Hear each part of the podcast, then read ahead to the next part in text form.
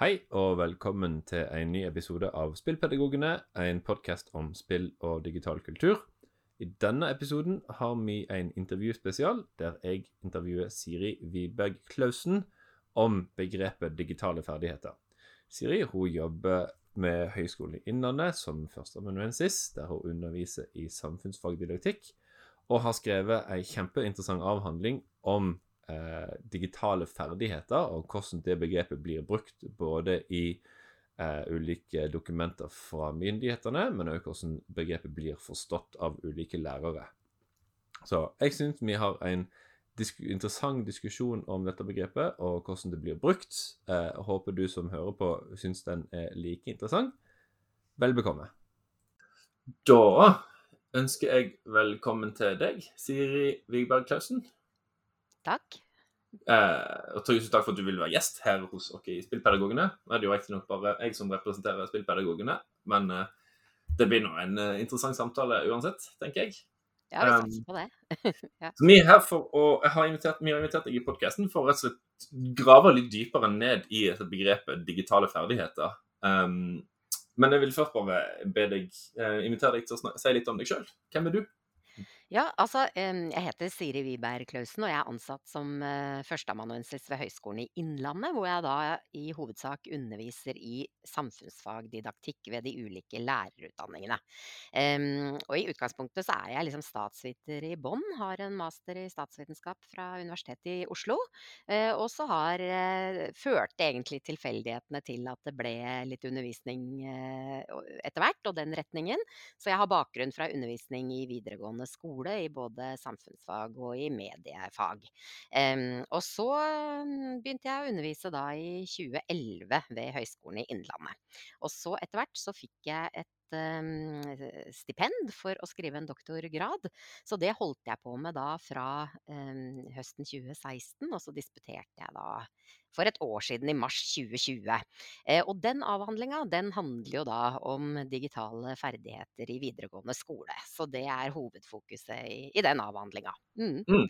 Hvordan endte du opp med, altså Hva var veien til å skrive om digitale ferdigheter? Hvordan endte du opp der, holdt jeg på å si? Jo, det, det, tenker jeg. Det handler jo litt om for det første det at jeg da hadde undervist noen år i videregående skole, eh, samt at jeg etter hvert begynte å undervise på lærerutdanning og skulle utdanne morgendagens lærere.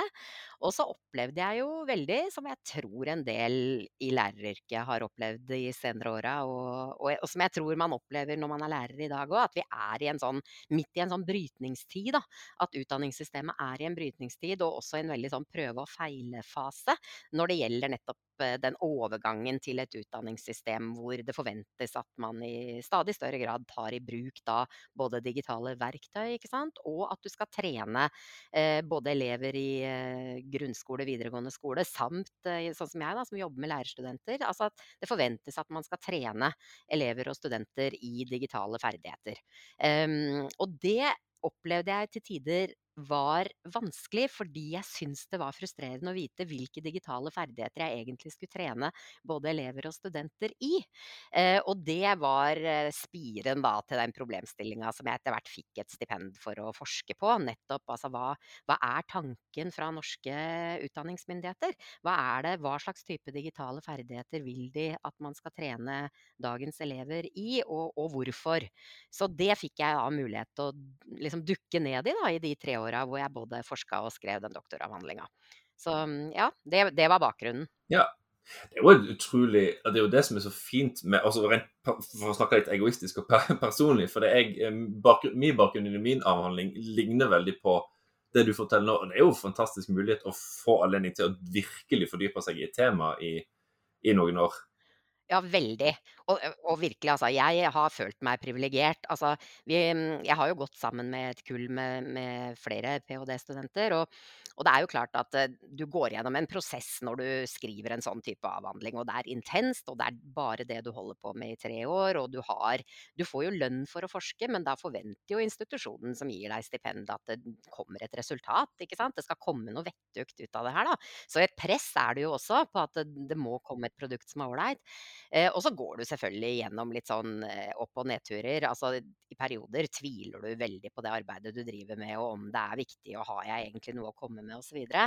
Eh, men det varierer jo veldig, og det opplever jeg med medstudentene mine, at noen sliter jo i perioder eh, mer med å gjennomføre en avhandling enn andre. Men det jeg oppdaga, og som jeg har tenkt på i ettertid, var at fordi jeg genuint syns at temaet var så interessant, så, eh, så var det liksom Ja, jeg kunne ha perioder hvor jeg var lei og sliten, og, og det er mye jobb, og du, det er intensivt osv. Men jeg ble på en måte aldri Jeg ble ikke lei temaet jeg skrev om. Og det var veldig godt. Altså, jeg ble egentlig bare mer interessert, jeg, desto mer jeg fikk lov å dukke ned i det, for å si det sånn. Mm. Ja.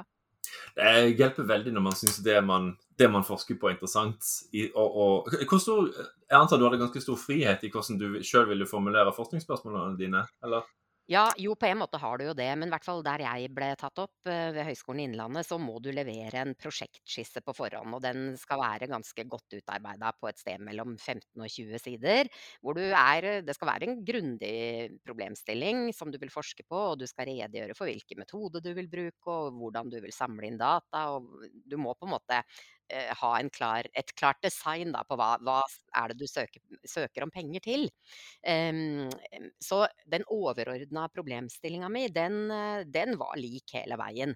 Uh, og så hadde jeg noen delproblemstillinger som for så vidt også var lik hele veien. Men, men jeg brukte også god tid på å lage den skissa, uh, så det var ganske utarbeida før jeg starta. Men, men, det man har større frihet på kanskje underveis, er jo hvilke teoretikere man trekker på når man drøfter og analyserer. Og det var jo en sånn vei som ble til mens man gikk, på en måte. Mm. mm. Ja. Det, ja, det, høres veldig kjent ut. Nå er, jeg, nå er jeg bare halvveis ute i min avhandling, sånn cirka, så jeg har fortsatt en vei å gå. Men ja, en blanding av godt planlagt turrute, men samtidig så går veien til mens man verden de temaene som går, an, som du sier. Um, vi skal straks gå, dykke litt dypere ned i avhandlinga di og hva du fant ut der. Men uh, da vi kjapt uh, innledningsvis. Da, I mailutvekslinga vi hadde før, i, før denne uh, samtalen, så, så, kom vi fram til at vi begge var hva vi kalte det, pragmatiske teknologioptimister. Um, jeg, tror, jeg, mistenker vi har nokså samme forståelse av det begrepet. Men hva, hva, bare spør deg, hva legger du i det? Pragmatisk teknologioptimisme? Ja, altså jeg legger i det at eh, jeg tenker jo at debatten knytta til hvordan man skal bruke digitale læringsverktøy i skolen, den har jo pågått noen år, og den er etter min mening bare i børjan. Vi har bare sett børjan. Det her kommer til å pågå lenge fordi jeg opplever eh, at skolen er, som jeg sier, i en sånn prøve og feile-prosess når det gjelder å ta i bruk digitale verktøy. Og, og at man egentlig det er egentlig ganske lite vi vet. Vi vet uh, egentlig ganske lite sånn forskningsmessig også om hva som fungerer godt og hva som ikke fungerer. Og man samler jo for så vidt inn kunnskapen nå, uh, etter hvert som uh, man tester ut de ulike digitale verktøyene. Men det er klart, så har man jo i den debatten, så finnes det jo en leir som er veldig nei til nettbrett, nei til iPad i skolen, nei til det hele tatt å bruke digitale verktøy. Det finnes en leir som er ganske negativ til bruk av digitale verktøy i skolen, og som mener at selvfølgelig at de har gode faglige begrunnelser for, for det, hvorfor man ikke skal bruke så mye av de digitale verktøyene. Um, og så har du også noen uh, veldig sterke i den debatten, noen veldig sterke teknologioptimister um, som mener at uh, vi bruker uh, Altså at norsk skole er, ligger bakpå. Vi skulle brukt mye mer digitale verktøy i undervisninga. Um, og utdanningsmyndighetene signaliserer jo tydelig det i sine utdanningspolitiske dokumenter fra, fra tidlig 1990-tall og fram til i dag. At norsk skole er, ligger bakpå. og at det må skje noe. Og, og, fagfornyelsen er nok et resultat av det type tankegods. at Derfor er fokuset på digitale ferdigheter langt større i fagfornyelsen enn i noen andre læreplaner tidligere. Men jeg befinner meg da, når du sier hva, er, hva mener du med at du kaller deg en pragmatisk teknologioptimist, så er det jo kanskje et litt sånn kjedelig svar. Jeg, men jeg har etter hvert som jeg har lest og satt meg mye inn i debatten som går, landa på at jeg er jeg er en mellomting mellom eh, motstanderne og de ekstremt positive teknologioptimistene. Men det betyr at jeg er absolutt positiv til digital teknologi. Jeg syns det er gøy sjøl å lære meg nye digitale verktøy og dingser. Eh, og jeg syns det er morsomt å teste ut ulike digitale program i undervisning osv. Så, videre. så jeg vil jo si at jeg er utforskende osv. Men jeg har nok landa på at eh, jeg tror at det er en styrke at pedagogene og lærerne kanskje i større grad eh, involverer seg på en måte i debatten, og ikke lar bare politiske vedtak få lov å styre retningen på hvordan vi skal bruke digitale verktøy i skolen. For jeg tenker jo at eh, jeg har lyst til å beholde det beste av to verdener, da. Jeg tenker at eh, vel utprøvd eh, tradisjonelle pedagogiske metoder som, som, har mye for seg, eh, syns jeg vi skal beholde. Jeg syns ikke vi liksom skal kaste ut barnet med badevannet, som det heter. Samtidig som jeg tenker at man absolutt skal være åpen for, for nye digitale metoder. Men en ren sånn en ren skole, en ren digital skole à la noen av de eksemplene man, man, finner i USA. Altså skoler som har eh, lagt om til ren adaptive learning, f.eks. Altså hvor de kun bruker digitale verktøy, eh, og hele tiden måler fremgangen til elevene faglig via datasystemer osv. Eh, den type skoler som det fins eh, Det fins jo fagfolk som mener at vi må dit, i Norge også. Eh, mm. Det er jeg skeptisk til. Mm. Ja. Og Det er lov å være skeptisk til òg, tenker jeg. God, ja. mange gode grunner til det. det er jeg slem hvis jeg kaller de også det, vil du si, Er de, er de ide, ide, idealistiske og, og teknologioptimister? Er jeg slem hvis jeg kaller de av og til litt sånn naive teknologioptimister? Jeg vet ikke om du Nei, slemt er det vel ikke? Det er lov å Jeg syns det er lov jeg, å, å, kalle dem for så Altså, hvis du kaller deg en pragmatisk teknologioptimist, så vil du sannsynligvis mene, da, ikke sant, at, at de her virkelig renspikka teknologioptimistene, at det er litt at det er en dose naivitet i det også. Um, og det Nei, jeg syns ikke det er slemt. Ja, jeg, litt naivt kanskje. Samtidig som jeg tenker at de som tilhører den leiren, vil jo mene kanskje at vi er naive at vi pragmatiske teknologioptimistene er naive. For du vil absolutt finne personer som vil argumentere for at eh, altså vi har, vi har, ikke noe valg, ikke sant. Eh, teknologien har kommet for å bli, den teknologiske utviklinga er som den er. Eh, og det, det, nytter det på en måte ikke å gå inn og, og, og verken styre eller kjempe mot, eller altså Du vil ha mennesker som befinner seg i det spektrumet, på en måte som syns vi er naive. Som tror at vi på en måte kan velge en mellomting, ikke sant. Og Vi som er pragmatiske teknologioptimister, har vi havna i midten av en slags retorisk skyttergravskrig? Ja, det tror jeg. det er litt øredøvende å være i midten når du hører det ljome fra begge kanter, holdt jeg på å si. Um, og jeg vet ikke med deg, men jeg opplever av og til å motvillig bli plassert i en av de, disse to her ekstreme polene når jeg kjemper for et slags verdensbilde der jeg tenker at ja, sannheten er jo normalfordelt på et eller annet vis. Mm. Jeg tenker Nyansene og stor sannheten ligger i midten et sted. Uh, men det er ikke alltid man får gehør for den slags. Nei, ikke i det hele tatt. Og i hvert fall ikke i den debatten her, tenker jeg. Fordi det er sterke motpoler her. Er, jeg tenker at digitaliseringen den vekker sterke følelser i, i mennesker, altså, faktisk. ikke sant?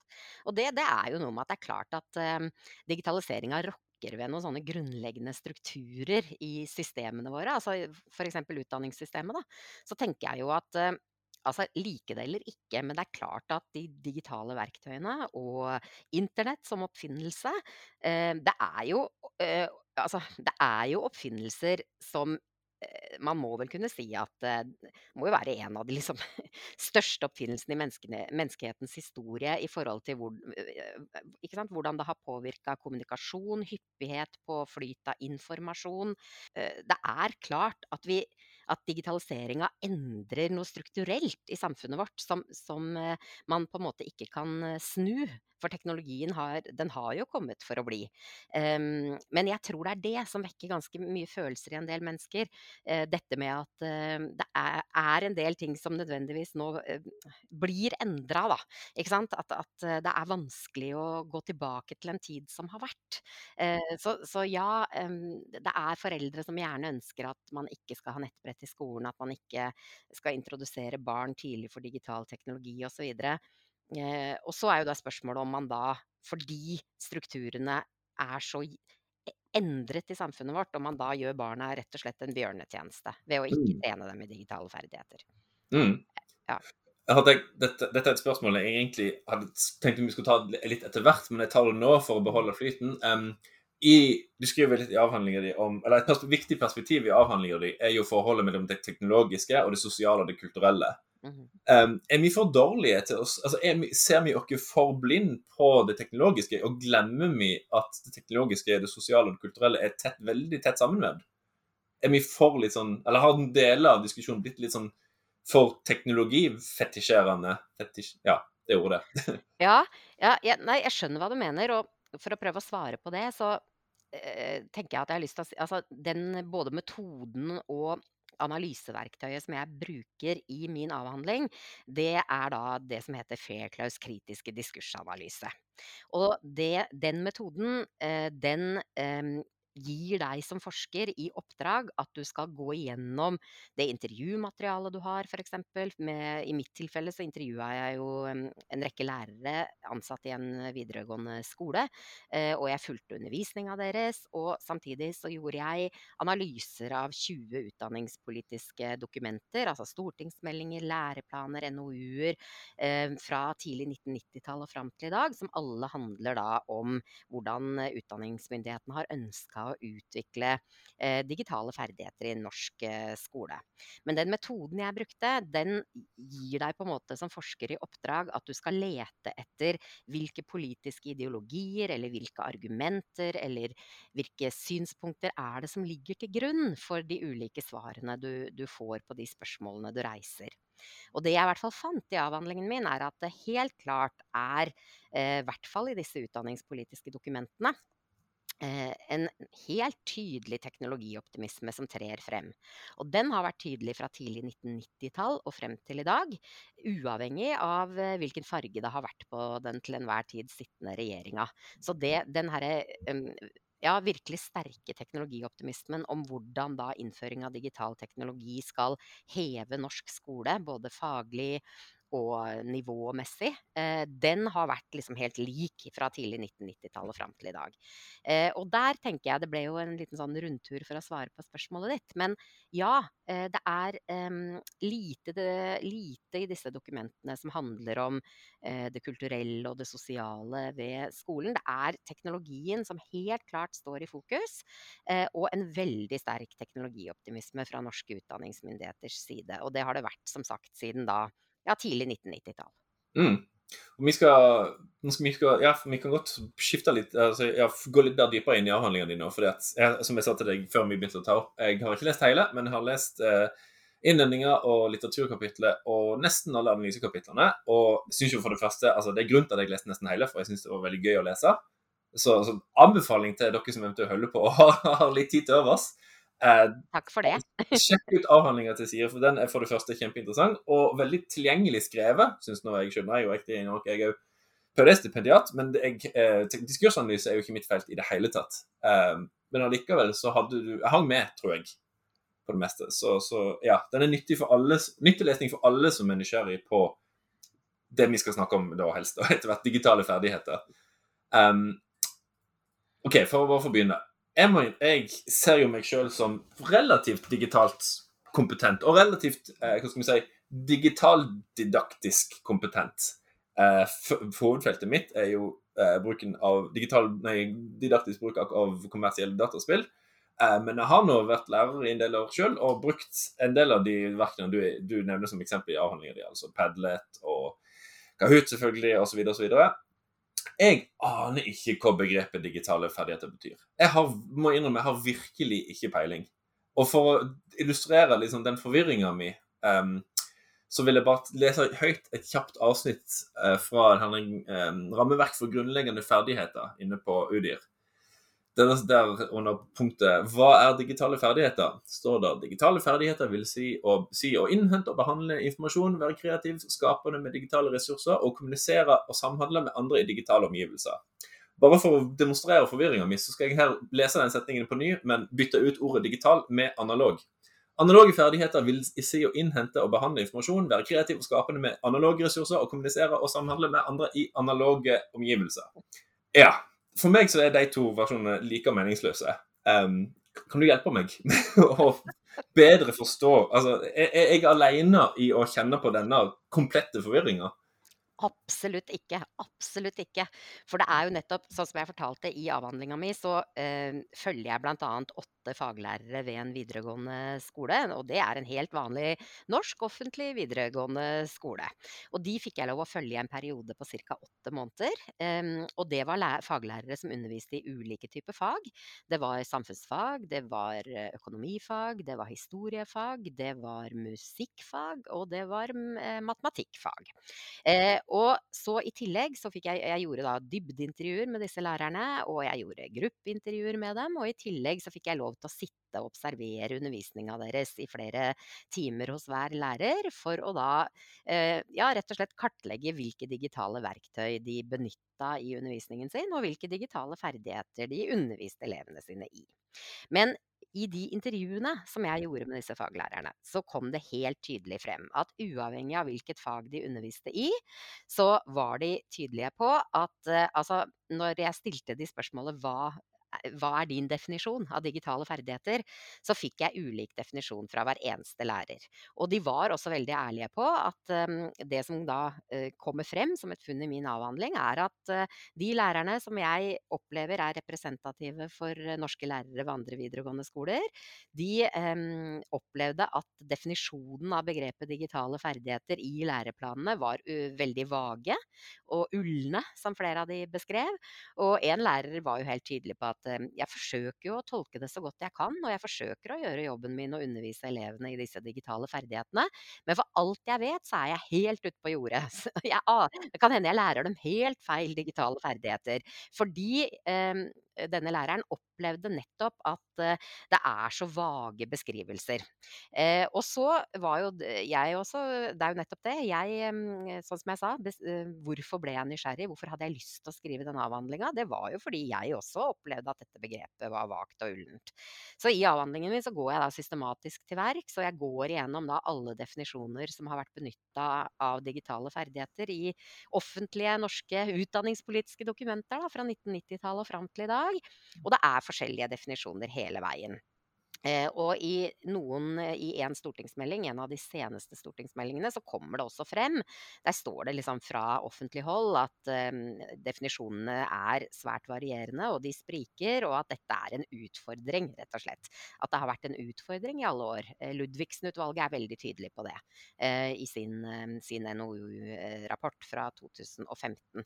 Og de, der konkluderer jo Ludvigsen-utvalget med at noen, noe av utfordringen i norsk skole siden man innførte da digitale ferdigheter som en egen um, ferdighet med Kunnskapsløftet i 2006, det har vært at nettopp at det, det kan ikke ha vært enkelt for lærerne å forstå uh, hva digitale ferdigheter skal være for noe. Ja. Uh, ja. ja. for du er jo inne på det når du, når du i den analysen din så, som sagt, er det er 20 ulike utdanningspolitiske eh, dokumenter, at er ikke definisjonen av digitale ferdigheter såpass vag at det er nesten umulig å utrede liksom, en praksis ut ifra det?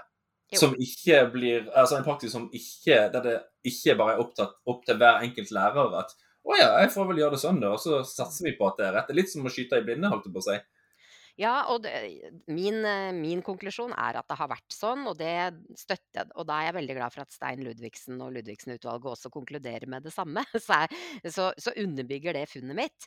Men så, ikke sant, så konkluderer også Ludvigsen-utvalget med da i 2015 at eh, nå må utdanningsmyndighetene inn og spesifisere i større grad for lærerne hva digitale ferdigheter egentlig er for noe. Så det man da ser i fagfornyelsen, der tenker jeg at det begynner å komme noen endringer nå.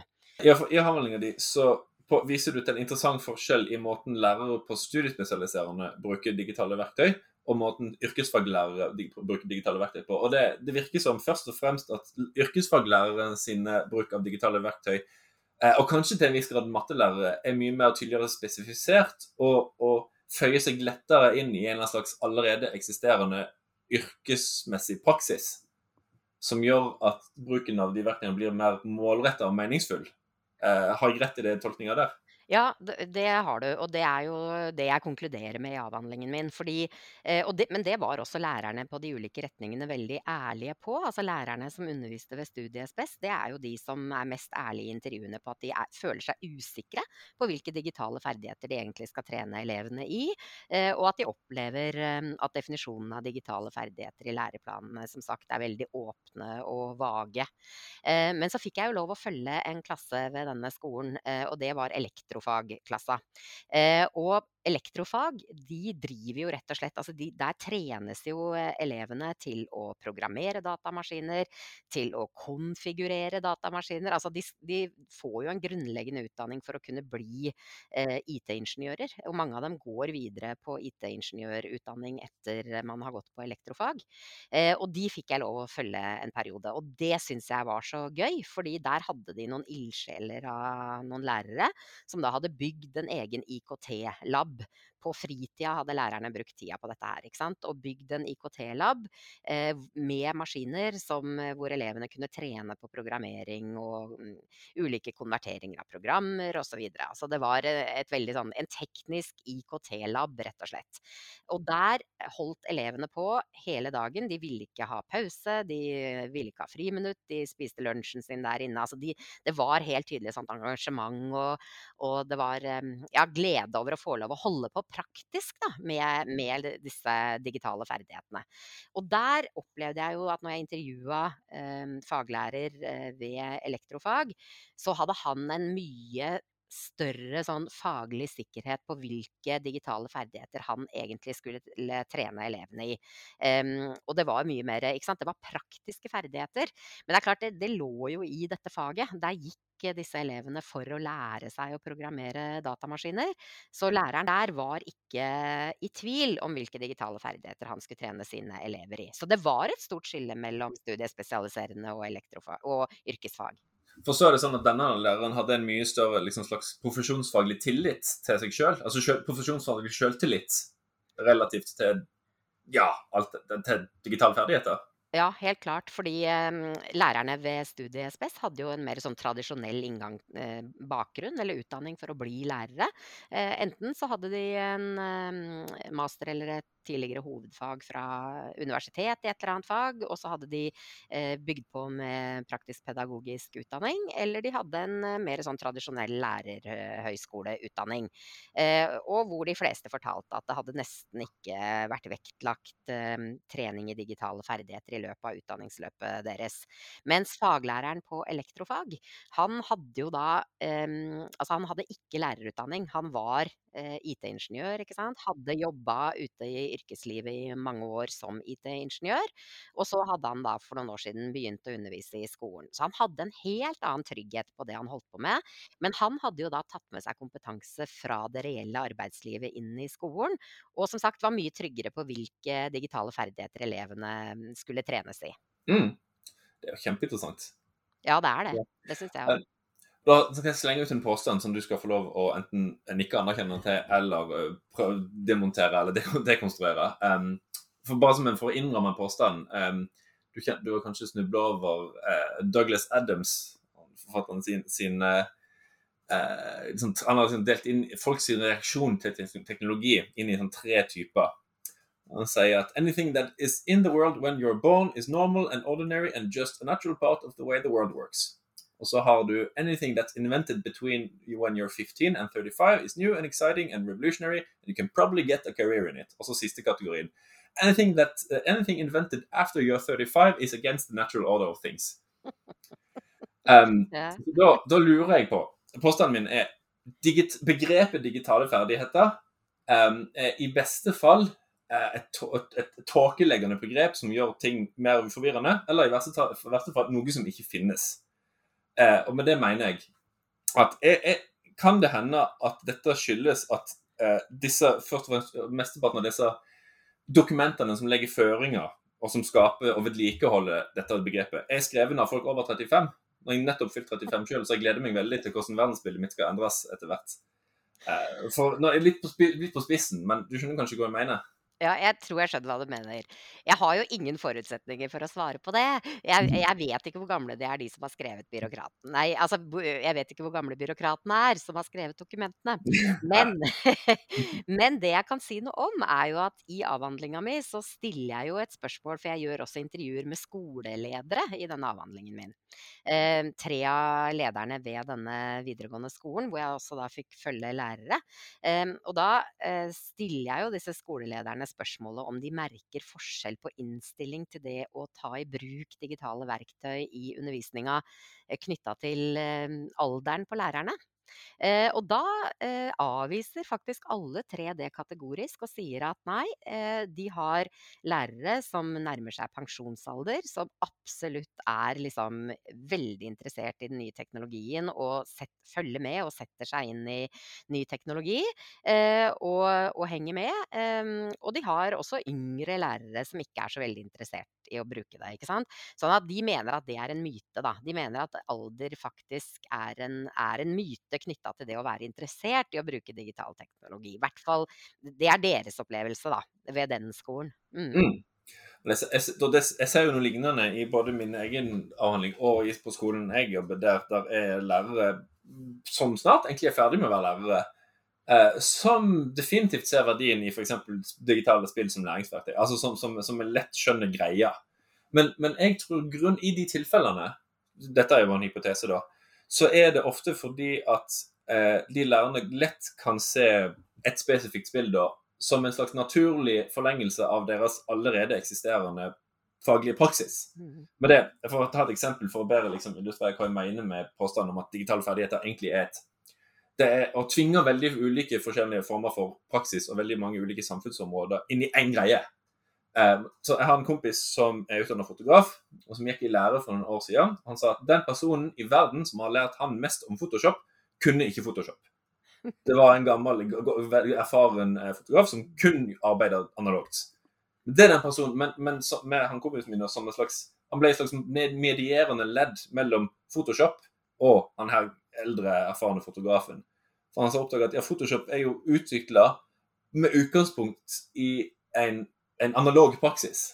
Og veldig mange av begrepene i Photoshop, mask for eksempel, og layers og sånne ting, kommer jo fra sånn som man arbeidet på mørkerom, mørk, mørkerom i gamle tider.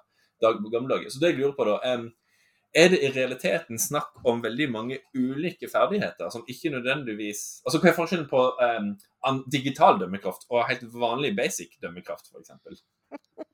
Ja, nei, altså, øh, det er Nei, det er nettopp det. Altså, um, det hvis jeg forstår deg riktig, så tenker du litt sånn Er egentlig begrepet digitale ferdigheter, er det litt hype? Er det det du tenker? Altså, er det liksom Er det egentlig nødvendig med et eget begrep om Sånn som du sier, kan man ikke bare kalle det å utvikle god dømmekraft knytta til den tida man lever i i dag, på en måte? Istedenfor å kalle det digital dømmekraft? Ja.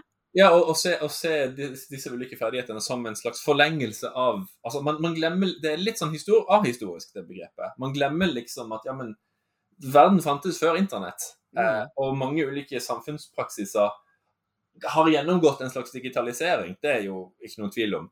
Men det er snakk om flere parallelle utviklingsløp, lurer jeg, tenker jeg nå. Dette, nå. dette er mer sånn lekmannsvurdering enn det noen som helst form for vitenskapelig vurdering. Men men det, er det, men det er basert på det jeg ser når jeg skal introdusere ulike lærere for ulike spill, at det er lettest for dem å komme i gang når de kan se dette spillet i lys av sin faglige kompetanse. Mm. Ikke som noe nytt av wow, hva i all dager er dette her for noe, liksom. Men at de, ja, at de nikker anerkjenner, anerkjenner og kan se at ja, jeg kan, jeg kan bruke min fagkompetanse med dette nye verktøyet, som i utgangspunktet er fremmed for meg. Spesielt de som ikke er gamere, f.eks.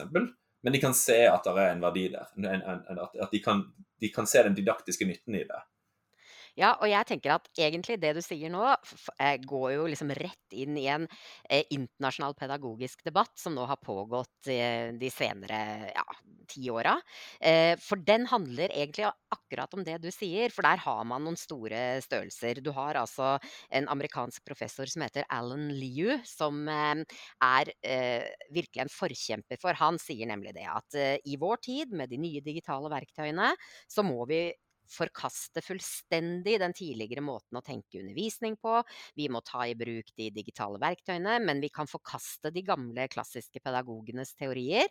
Han sier glem Piaget, glem Dewey, glem eh, Vygotsky. Altså vi må utvikle en helt ny pedagogikk, fordi de endringene vi ser med nye digitale verktøy er så omfattende at nå vil det gamle ikke lenger fungere. Men han møter sterk motstand fra en annen professor som heter Peter de Boya, eh, som er veldig tydelig på at han sier nettopp det. At nei, så dramatisk er det ikke. Altså han anerkjenner jo selvfølgelig at eh, de digitale verktøyene har kommet for å bli, og at utviklingen går fort. Men han ser på det mye mer som Um, nei, altså la oss inkorporere det i de tidligere praksisene. La oss på en måte bruke det beste av hva de kan tilby. Men for all del, det er ingen grunn til å verken forkaste Piaget eller Dewey eller Vygotsky, eller ja, gode pedagogiske teorier som har vist seg å fungere i generasjoner. Men la oss heller bare in inkorporere det nye, eh, og utvikle nye praksiser knytta til de nye verktøyene. Og det er vel litt egentlig det du, det du snakker om, tenker jeg da, når du forteller om de lærerne som eh, De forstår spill hvis de kan se på det som en sånn forlengelse eller et nyttig verktøy i den praksisen de allerede har eh, praktisert i, i mange år, ikke sant? Ja. ja. For, og det som er forskning på spill det, igjen, Dette er jo forskning på spill i skolen, men jeg, jeg mistenker at den er gjeldende i andre liksom, områder der innføring av digitale verktøy. De, hvis lærerne ikke eh, ser hvordan de kan bruke spillet som et verktøy, så overgir de, så overgir de sitt pedagogiske design til spillet sitt og skal vi si, underholdningsdesign, eller i, tilfelle, i tilfelle det er eh, læringsspill, sitt, spillet sitt didaktiske design. Men, men, da undergraver jo Det viser at det undergraver jo læreren sin, sin proporsjonelle legitimitet og autonomi, rett og slett. Og, jeg, og du er inne på noe som jeg, jeg syns er kjempespennende, eh, og som er veldig nyttig for meg å lese i avhandlinga di. Det, det, det, som heter um, Det er vel Fairclaw sitt begrep, nominalisering. Mm. At, at, man at, uh, at, man setter teknologien foran substantivet. At man gjør teknologien til en agent som har mm. Kapasitet til å innføre endring. Og i, i, store deler av forskningsdiskursen på spill i skolen, så er, det, er, altså, så er dette altså innprenta i forskerne sin, sin metodiske, metodiske, tilnærming. Altså, de stiller, det, det, det, med, det dikterer forskningsspørsmålene folk stiller, sånn som Can games improve learning? Can games motivate students? Altså, det er ikke Kan lærere motivere student, eh, elever med spill? Det, altså, og da lurer jeg på um, Kan det òg Jeg mistenker at det av og til kan gjøre at lærerne tenker, ser på spillet som en aktør ved siden av seg sjøl. De ser ikke på spillet som et verktøy som de kan bruke for å didaktisere faget sitt. Det gjør meg litt sånn Nå må vi holde skuta på rett kjøl her. Altså, Hva tenker du om det her nominaliserings perspektiv, eller hva jeg skal kalle det. Nei, jeg tenker at du er inne på noe veldig interessant, og, og det er jo um, noe av det jeg også fant da i studien min. At uh, når jeg analyserte alle disse utdanningspolitiske både stortingsmeldinger, læreplaner og NOU-er som har vært sentrale fra tidlig 1990-tall og fram til i dag, knytta til hvordan man skulle utforme uh, bruk av digitale verktøy i skolen, så er det helt Altså, det er så Det kommer så tydelig frem at man snakker om at det er eh, det er teknologien som på en måte styrer oss menneskene. Altså det er type setninger som at eh, vi har ikke noe valg, teknologien har kommet for å bli, eh, endringene som skyller over oss. Altså det er den type uttalelser. Altså eh, de teknologiske endringene er omfattende, osv. Og, og, og i ytterligere altså, jeg, jeg, tror ikke jeg fant noe sted, egentlig, som, som, eh, hvor, hvor, man formulerte seg slik at ja, ikke sant, eh, den nye teknologien, den eh, har vi funnet opp. Men man glemmer på en måte at vi menneskene kan styre den. Det er jo vi mennesker som har funnet den opp. Eh, men, men, nominalisering betyr jo rett og slett at man eh, formulerer seg da på den måten som at det er teknologien i seg sjøl som eh, opererer som en agent. Og at dette får vi ikke gjort noe med, og dette får vi ikke styrt. Og endringene må vi bare forholde oss til. ikke sant? Og jeg tenker at når du sier at en del lærere opplever nettopp dette med at, at teknologien bare uh, den, den, liksom bare har kommet, og den må man bare bruke, liksom.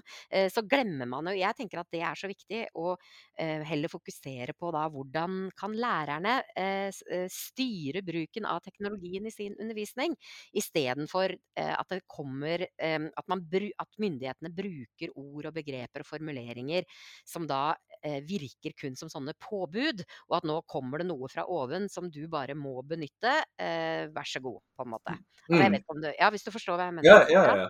Og, og da peker du på et, et, et slags paradoks som er i avhandlingen. Det er at denne teknologioptimismen ovenfra møter en slags teknologi kynisme, pessimisme, frustrasjon. Altså at, at, drømmen, utopien om at teknologi skal gjøre undervisning og læring så mye mer effektiv, eh, altså Når teknologien entrer klasserommet, så er det så stikker litt kjepper i hjulet av og til på læreren sin, sitt pedagogiske, pedagogiske, prosjekt.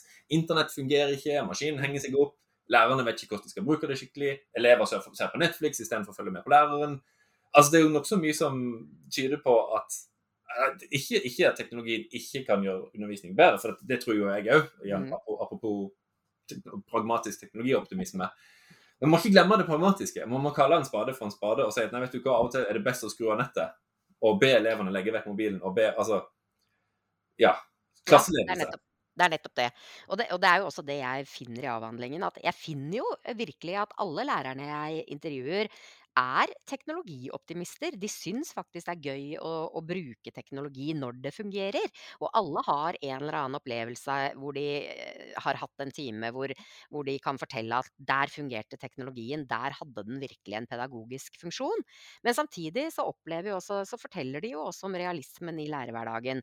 At de har eh, problemer med kapasiteten på internett på skolen, og plutselig fungerer ikke internett. Og, og får du klasserom i den ene delen av bygget, så der er det dårlig internett til gang, mens det fungerer i den andre delen av bygget. Og at du alltid må ha en analog plan, for det er ikke sikkert teknologien fungerer osv. Og, så og jeg tenker det er noe med det, ikke sant. At skal man eh, Altså, I de utdanningspolitiske dokumentene så er jo visjonene for norsk skole de er voldsomme. Det går igjen i alle dokumenter at Norge skal være verdensledende på bruk av IKT i utdanningssystemet.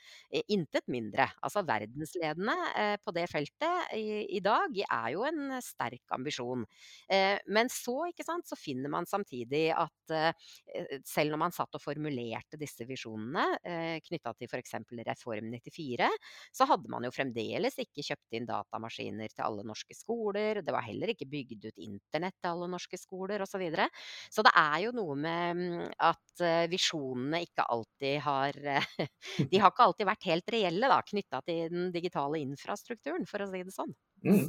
Og, da, nei, og, og, der er vi jo inne på noe interessant. Det er nemlig hvordan etter, altså et stadig større fokus på digitale ferdigheter er med på å åpne opp eh, hva skal vi si, pengesekken for private aktører. Mm. På godt og vondt. Mm. Eh, det er jo ikke, det er jo ikke altså, Jeg for eksempel, som norsklærer jeg kan ikke forestille meg å ikke kunne bruke Google Docs, altså samskrivingsdokumenter. Det har gjort norsklærerjobben så mye lettere. Og, altså, jeg kan ikke forestille meg hvordan det kan være å, å samle inn tekster på, på, ark, liksom. Til og med å jobbe i uh, Word-dokumenter er litt knotete. Men um, du er jo inne på det litt i avhandlingen om at, at ja, dette med programmering i skolen, f.eks. Mm. Eh, og det er jo andre som Neil Selwyn, som du viste til litt, har jo på, påpekt nettopp dette her. at, at skal, må, hvorfor må de egentlig lære programmering? Hvorfor ikke digital filmskaping eller en hvilken som helst annen digital ferdighet? Hvorfor akkurat programmering? Og mm. hvordan, eh, i, hvilken grad dette, i hvilken grad er dette resultat av lærerens ønske? Og i hvilken mm. grad er dette resultat av eh, lobby, for å være litt sånn lobbyvirksomhet fra edtech-industrien. Mm. Nei, altså det jeg, det jeg, også fant da, i løpet av analysene analysen av alle disse her eh, utdanningspolitiske dokumentene, um, som var en omfattende analyse, men som jeg syns er interessant, er jo at når jeg da kom til fagfornyelsen og innføringen av den, så Eh, kom, så skjer det noe med definisjonen av digitale ferdigheter. Fordi at eh, eh, digitale ferdigheter har helt klart vært definert både vagt, åpent, ullent, hva du måtte kalle det, fra eh, 2006 med Kunnskapsløftet og fram til i dag. Eh, og det sier jo også Ludvigsen-utvalget i, i, sin da, rapport. Men så, i fagfornyelsen, så skjer det noe. For der har man nå for første gang spesifisert at det er noen lærere, og da snakker jeg på videregående nivå, for det var videregående jeg analyserte. Det er noen faglærere som nå får et spesielt ansvar for å trene elevene i digitale ferdigheter. Og det er mattelæreren, og det er naturfaglæreren, og det er samfunnskunnskapslæreren. Eh, og mattelæreren skal jo da trene elevene nå i programmering og koding, og naturfaglæreren skal gjøre det samme. Eh, og de skal også trene elevene i det som heter da algoritmisk tenkning.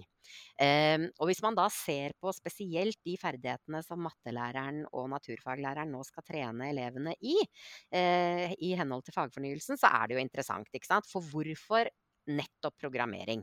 Og det spørsmålet reiser jo jeg da i avhandlinga mi. Hvorfor sier man ikke i fagfornyelsen at um, nå, skal, um, nå skal alle student, eh, elevene i videregående skole lære seg avansert digital filmredigering? Hvorfor er det ikke den digitale ferdigheten, ferdigheten som blir satt på, på, eller i læreplanen? Eh, og da gikk jeg litt lenger, og så eh, leste jeg jo f.eks. innstillingene fra NHO til eh, utdanningsmyndighetene. NHO er jo eh, altså næringslivets eh, hovedorganisasjon. Eh, en veldig stor og omfattende organisasjon med et godt lobbyvirksomhetsapparat. og de har jo jobba, eller lobba i flere år, nettopp for å få inn programmering og koding som digitale ferdigheter i skolen. Eh, og går man til OECD-dokumenter, går man til dokumenter fra World Economic Forum, som også omhandler hvilke ferdigheter de ønsker at det vestlige utdanningssystemet nå skal fokusere på, så er det programmering og koding som går igjen. Og det handler jo selvfølgelig om eh, at, at, det er næringsliv, sterke næringslivsinteresser i at eh, både Norge og i de andre europeiske land, at man nå eh, utdanner unge mennesker. Man, trenger en ny arbeidsstyrke som kan programmering og koding. Eh, I Norge så er man jo helt tydelig på at vi skal over fra en Eh, altså vi skal over fra en mer sånn oljebasert økonomi til det de kaller en kunnskapsøkonomi. For oljeenergi, eller oljenæringa skal jo fases ut. Og hvis Norge da skal bli en stor hvis vi skal klare å leve av kunnskapsøkonomi, så trenger vi nå en arbeidsstyrke eh, som kan eh, programmering og koding. Og, og, i Norge ser man da på, eh, fra utdanningspolitisk hold nå, helt tydelig i dokumentene, så er det en, en tydelig føring på at eh, programmering og koding, det at vi skal bli en sterk IT-nasjon, det skal ta over eh, oljenæringas plass mm. i Norge, for å si det sånn. Ja. Mm. Mm. Og, det, og det er jo et og jeg, jeg syns det er veldig interessant hvordan du finner ut, eh, kom fram til bl.a. denne konklusjonen, at, at de førende dokumentene er gjennomsyra av liksom en markedsliberalistisk mm. kapitalistisk New Public Management. Eh, ideologisk orientering, liksom. Og så hvor, hvor relativt fraværende to, andre, to viktigere mener jeg da, perspektiver er fra dokumentene du går gjennom. Det ene er eh, læreren, Altså hvorvidt digital teknologi kan hjelpe læreren til å gjøre jobben sin bedre, mm. og danningsperspektivet. Jeg tror du er innom at digital danning nevnes bare noen få titalls ganger, mm. mens mm. mange andre nevnes sånn tusenvis av ganger. liksom. Ja, um, det òg sier jo noe om, om, altså Det er veldig avslørende, tenker jeg, da, hvor, hvor disse dokumentene kommer fra, og hvor, hvor man tenke seg at teknologien skal, hvilken rolle teknologien liksom skal ha, og hvilke, ikke minst hvilken rolle skolen skal ha, og lærerne skal ha, og elevene skal ha. Mm. Altså Man kan jo si at programmering er viktig å lære seg, fordi det kan føre til digital danning, og at eleven kan ta tilbake kontrollen over teknologien. Eller det er mulig å liksom ramme inn programmering i skolen på andre måter, men det er liksom stadig vekk det her ja, nei, Du skal først og fremst være en god uh, arbeidstaker. Du skal ikke være en god liksom, deltaker i demokratiet eller noe sånt. Det er jo litt pussig, tenker jeg. Ja, og jeg tenker at sant, skolen har jo alltid hatt de to samfunnsmandatene der. At på den ene siden så skal man liksom eh, danne menneskene til å bli eh, dugelige borgere, ikke sant. Eh, og på den andre siden så skal man lære elevene da eh, ferdigheter, slik at de kan klare seg i samfunnet, i arbeidslivet. Altså det, det, er jo ikke noe nytt selvfølgelig at skolen har hatt en oppgave som handler om å trene elevene til å kunne fungere i arbeidslivet. Men det mm. jeg mener at jeg har funnet i, i mine mine analyser, da, er at spesielt de senere årene, eh, med innføringen av altså, eh, både de fordokumentene som, som har liksom dannet prosessen for fagfornyelsen, og i selve fagfornyelsen, så er det helt tydelig et sånt asymmetrisk forhold mellom dette med å trene elevene til å kunne fungere i arbeidslivet, og danningsperspektivet. Og nå er det helt klart en, en langt større vektlegging av at skolens oppgave er å eh, utdanne effektive arbeidstakere til det nye digitale arbeidsmarkedet, og at danningsperspektivet kommer i andre rekke. Mm. Er dette, Den tyske bildungstradisjonen har ikke vært så sterk i alle liksom, områder av verden. Er det, er det resultat av liksom, slags globalis er det resultat av en globaliseringsprosess, det at danningsperspektivet har fått litt bort? Eller? Ja, jeg mener det. Jeg, jeg mm. synes mine analyser viser det. Um, og, og, det underbygger jeg med at um, ikke sant? Parallelt med at jeg da har gått gjennom alle disse norske utdanningspolitiske dokumentene og analysert de, så har jeg jo um, sett på hvilke hvor kommer dette tankegodset fra som jeg finner i de norske utdanningspolitiske dokumentene? Hvilke kilder viser f.eks. de ulike departementene til når de har utarbeida dokumenter som omhandler eh, digitalisering av norsk skole? Og det er jo i overvekt da eh, dokumenter fra OECD det er, eh, som omhandler utdanning, hvordan man ønsker å bygge opp det vestlige utdanningssystemet. Det samme finner du, det er de dokumenter fra World Economic Forum som omhandler altså der er, I World Economic Forum så jobber de masse med eh, utdanningspolitiske dokumenter, for de ønsker en sterkere ensretting av hele liksom, det vestlige utdanningssystemet. Og det tenker jeg, der ligger det et tankegods om nettopp dette med at eh, arbeidskraft skal kunne bevege seg, ikke sant. Og at man trenger mellom landegrensene. Og at man trenger på en måte at arbeidstakerne kan noe av den samme kompetansen, ikke sant. Og EU har jo også en rekke utdanningspolitiske dokumenter eh, som eh, norske utdanningsmyndigheter jevnt og trutt viser til i sine sine da, eh, læreplandokumenter og stortingsmeldinger. Så, så, at tankegodset om digitalisering av norsk skole, og hvordan man skal digitalisere norsk skole, og hvilke ferdigheter, spesielt i fagfornyelsen med programmering og koding, det er henta helt tydelig fra, fra spesielt de tre organisasjonene der. OECD, World Economic Forum og EU. Mm. Men det, det, det virker for meg nesten litt sånn apropos du, du, er jo inne på dette med, med, med, med hard teknologideterminisme.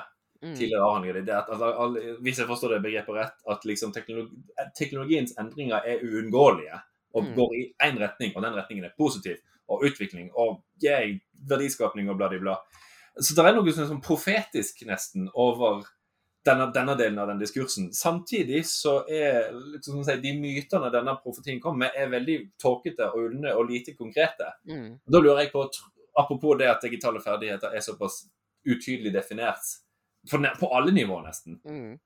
Ville Altså, er det et begrep som overlever tydeligere konkretisering? Altså, det, med det mener jeg Hvis man hadde tydeligere konkretisert begrepet digitale ferdigheter i mye mer spesifikke ting. Ikke bare algoritmisk tenkning, som òg er nokså sånn ullent, men liksom helt konkrete ting. Konkrete verktøy du skal bruke.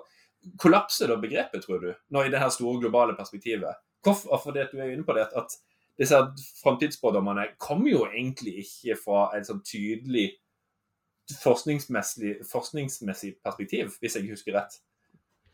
Nei, altså det jeg fant som jeg syns er interessant, er jo at når norske myndigheter for første gang introduserer digitale ferdigheter i norske læreplaner, eh, som er med Kunnskapsløftet i 2006, så fins det kun to referanser i mm, eh, de dokumentene som er relevante i den sammenheng, som viser til forskning som, som på en måte underbygger at det kan være eh, pedagogisk vinning, da, eller, at, eller, rett og slett at, at, elevene kan lære bedre ved å benytte dig, eh, digitale læringsverktøy i skolen. Men altså, det kunnskapsmessige grunnlaget for å innføre i det hele tatt bruk av digitale verktøy i skolen, det var syltynt. Det var Eh, så det er én forskningsrapport som, som, vidt som konkluderer med at um, bruk av digitale læringsverktøy kan kanskje bidra til økt læring. Det er veldig sånn tynt. Så, så, de, så en del av en moteretning, vil jeg påstå at det var. ikke sant? Altså Igjen da man viser til alle disse internasjonale organisasjonene hvor fokuset på eh, digitale ferdigheter er sterkt. da. Eh, og så tenker jeg at det som er litt utfordrende eh, nettopp med dette begrepet digitale ferdigheter, i tillegg til at mange opplever det ullent og uklart, det er jo ikke sant at den digitale utviklinga den går jo fort. Og eh, det, altså, nye verktøy, nye muligheter.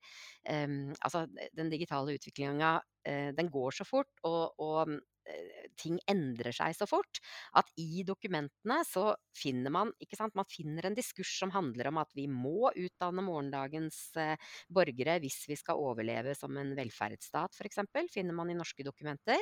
Og vi skal gå fra Vi må trappe ned oljenæringa, og vi skal over til en kunnskapsøkonomi. Ergo må vi ha en høyt utdanna befolkning på digitale ferdigheter. Men samtidig så står det også i dokumentene gjentatte ganger at man vet ikke hvilke digitale ferdigheter ferdigheter man skal trene elevene i for fremtida, og det er det ingen som kan vite. Eh, kanskje kan det bli eh, ikke sant? De antar at programmering vil være sentralt, selvfølgelig, eh, men at den teknologiske utviklinga går så fort at om noen år så kan det være helt andre digitale ferdigheter som er sentrale. Eh, sånn at det er jo noen sånne ideologiske dilemmaer som man finner i disse dokumentene. På den ene siden den veldig sterke teknologioptimismen, har teknologioptimisme som jeg kaller det. Det er et begrep fra, fra en som heter Binder, som har skrevet en hel bok om hard teknologioptimisme. Samtidig med en sånn voldsom usikkerhet, hvor man innrømmer at vi aner jo egentlig ikke hva slags digitale ferdigheter vi skal trene elevene i. Mm. Og er det rart lærere er forvirra? Nei, nei, det er nettopp det. Jeg syns ikke det er noe rart i det hele tatt. Ikke sant? Det, det ligger jo i hele sakens natur. Eh, og det er det jeg mener med at eh, det er jo forvirring, og at vi er i en prøve- og feileprosess. Vi, vi er jo helt i starten ikke sant, på bruk av digitale verktøy i skolen. Um, så den, eh, den debatten om liksom bruk av digitale verktøy eller ikke, og uh, som noen er så lei, og de syns den liksom er Nei, den er vi ferdig med, og sånn. Jeg, jeg, tenker at nei, vi er bare i begynnelsen, altså. Vi har ikke sett børjan engang på diskusjonen av bruk av digitale verktøy i skolen. er min mening. Det er min mening, ja. Det er mitt inntrykk. Mm. Vi går mot uh, slutten av episoden, uh, ja. men jeg vil runde av med å spørre deg liksom, tror du egentlig, Hvor stor grad kommer dette til å endre lærere sin praksis? For det mener jeg, altså, det, Dette med teknologioptimisme er jo ikke nytt. Altså, det vel, jeg tror det er Thomas Edison som har sagt at uh, film vil endre, revolusjonere undervisning. Og så var det radioen som skulle revolusjonere undervisning. Og så var det altså, det, det, det, er vel et eller annet jeg tror det Er, er det Neil Selwyn eller hvem som sier det? Nei, nei, det var ikke sant. Men noen har sagt at, at liksom, den her for, pro, pro, profetien om at teknologien skal revolusjonere skolen, er 40 år gammel. liksom. Men det er litt sånn som disse dommedagsprofetene som får oss av verdens undergang, at datoen for verdens undergang har liksom blitt pusha framover i tid. Um, mens i mellomtida så har jo lærere altså Det du peker på i avhandlinga di, er jo at lærere driver stort sett med klasseromsundervisning, og, og det er god tavleundervisning. altså Tavler og kritt har eksistert i hundrevis av år, liksom. Altså, og, og, og, mange av de litt mer mange av de andre pragmatiske teknologioptimistiske teoretikerne der ute sier jo at av og til så det, fungerer undervisning best ved at lærer og elever er i et rom sammen og snakker om ting. Og det er vel kanskje det koronapandemien har vist, at læreren trenger ikke å frykte for jobben sin med det første. Og trenger kanskje heller ikke å frykte å bli avskilta med det første. Hva tenker du? Jeg er helt enig med deg. Jeg tror helt klart at læreren ikke behøver å frykte for jobben sin i framtida. Og er det noe liksom koronaåret har vist oss, så er det jo nettopp det. At uh, både elever og studenter som da ikke har fått uh, være fysisk i klasserommet på en stund, de gir jo sterkt uttrykk for at det er det de savner. De savner det veldig. Så uh, de som eventuelt har hatt visjoner og vyer, altså de harde teknologioptimistene som har hatt visjoner om at utdanning kan gjøres heldigitalt osv., de, det tror jeg på en måte er blitt motbevist med dette eksperimentelle året, da, hvor veldig mye undervisning har vært digital. Eh, men jeg, det jeg har tro på, Eh, for framtida. Eh, og det jeg tror kanskje koronaåret har vist oss, eh, er at en del av de digitale ordningene er spennende, og flere av dem fungerer også godt. Jeg har undervist digitalt hele det året her for studenter på høyskolen, og var veldig spent på hvordan det ville gå. Men jeg har brukt mye tid på å lære meg nye digitale verktøy, prøve å gjøre den digitale undervisninga interaktiv osv. Og, så og har jevnt over fått veldig gode tilbakemeldinger på at det har fungert. Sånn at, og noen studenter har til og med gitt uttrykk for at det har vært så gunstig at de skulle ønske også til vanlig at flere av um, forelesningene hadde vært digitale, fordi det gir en større fleksibilitet i hverdagen. Men det jeg har tro på, eh, og som jeg, jeg leste en artikkel nå at Universitetet i Bergen de går veldig for det nå, det er jo hybridløsningene. Eh, det å kurse mm, forelesere i å både i, sant, forelese fysisk i et auditorium f.eks., men samtidig bli gode på å kunne forholde seg til et kamera, sånn at de som ikke har anledning til å møte, også kan få det med seg digitalt, og at det eventuelt gjøres opptak osv. Der tror jeg det kommer til å skje mye. Og det var det jeg så at Universitetet i Bergen de har nå bestemt seg for å kurse sine, eh, i hvert fall flere av sine forelesere, i nettopp det å beherske da hybridundervisninga i fremtida, eh, uavhengig av koronaen. ikke sant? Så der tror jeg vi vil se mange nye løsninger, altså. Men det er, nett, er vel egentlig det jeg tenker da, med oss pragmatiske teknologioptimister. Det, det, med å liksom bruke det beste av begge verdener. Da tror jeg man får et godt resultat. Ikke sant? Det tror jeg òg. Og så tror jeg òg vi, vi, som befinner oss i, som sagt, i midten av denne her retoriske skyttergravskrigen, vi, vi har ikke glemt det at ut, altså, ut, problemer som har med skoleutdanning å gjøre, er først og fremst institusjonelle og sosiale utfordringer som du ikke kan kaste teknologiske løsninger på men du må bruke teknologien for å eh, myndiggjøre de sosiale aktørene.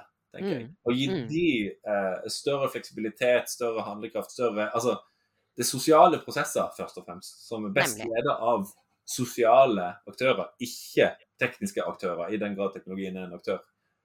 Ja, og så vil jeg oppfordre spesielt lærere til å kanskje miste litt den der respekten for teknologien og litt den derre 'Å ja, nei, nå kommer det noe nytt, og dette forventes at jeg brukes', og at jeg tar i bruk i undervisninga mi, ikke sant. Jeg tenker at eh, ja, eh, jeg tror mange lærere har opplevd, eh, opplevd det på den måten at det kommer noen sånne pålegg fra oven om at nå må jeg bli digital. Og det må vi. Vi må på en måte tilpasse oss de nye verktøyene. Men jeg vil oppfordre lærere til å liksom i større grad stille litt spørsmål med, ved, ved liksom, hvordan skal jeg bruke det, og jeg ønsker å bruke det, men da vil jeg bruke det på min måte. Og jeg vil bruke det på den måten jeg tenker eh, vil gagne undervisninga mi eh, pedagogisk. Altså nettopp det der å bli kvitt eh, Altså brukes nominalisering eh, ofte nok ganger, så, så, blir det en sannhet. ikke sant? At teknologien har kommet, den, den skyller over oss. Teknologien får vi ikke gjort, Dette får vi ikke gjort noe med. Vi må tilpasse oss, osv. Eh, ta litt mer styring over teknologien. Det er vel kanskje min eh, oppfordring, da. Kanskje det er bra i så fall at, at dette forblir nokså udefinert i de styrende dokumentene. fordi at det gir tross alt læreren ganske stort spillerom for å sjøl definere hva liksom, god faglig praksis med teknologi skal være. Det er nettopp det, og noen av lærerne i min eh, avhandling sier også det, at kanskje er det greit at det er såpass eh, vagt definert, fordi at da står jeg friere til å definere hvordan jeg vil benytte digitale verktøy sjøl.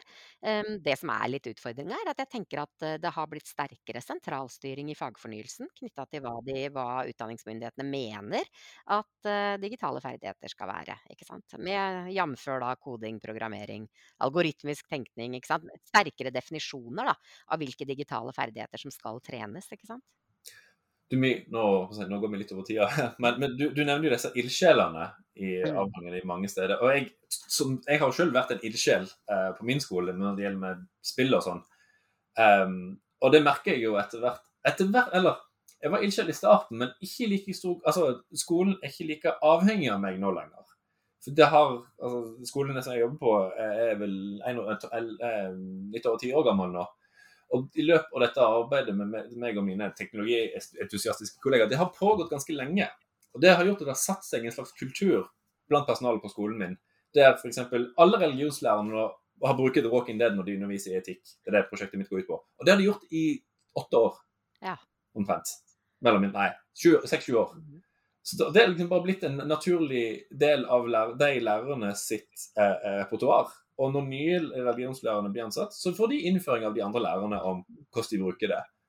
Eh, og, og, og det er mye større aksept og vilje til å teste ut spill blant de lærerne som på ingen måte selv er gamere. Så det er jo der personlig jeg håper og tror at veien går. At vi, vi vil se, ha nysgjerrige lærere som prøver ut ting, og så finner de ut at noen ting fungerer bra, og så sprer det seg. De beste NKUL-foredragene jeg har vært på, det har vært helt, helt spesifikke innlegg om hvordan retter du på iPad?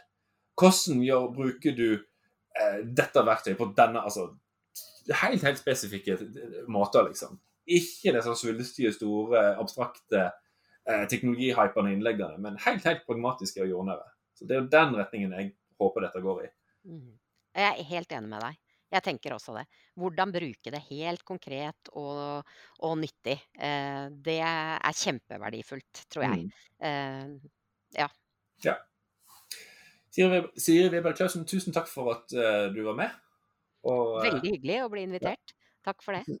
Og jeg synes vi har hatt en, Takk for det, en kjempeinteressant samtale. Jeg kunne holdt på i, iallfall en halvtime til. Men jeg tror vi skal eh, stoppe, gi dere mens leken er god. Uh, tusen takk til deg som hørte på, og ha det bra.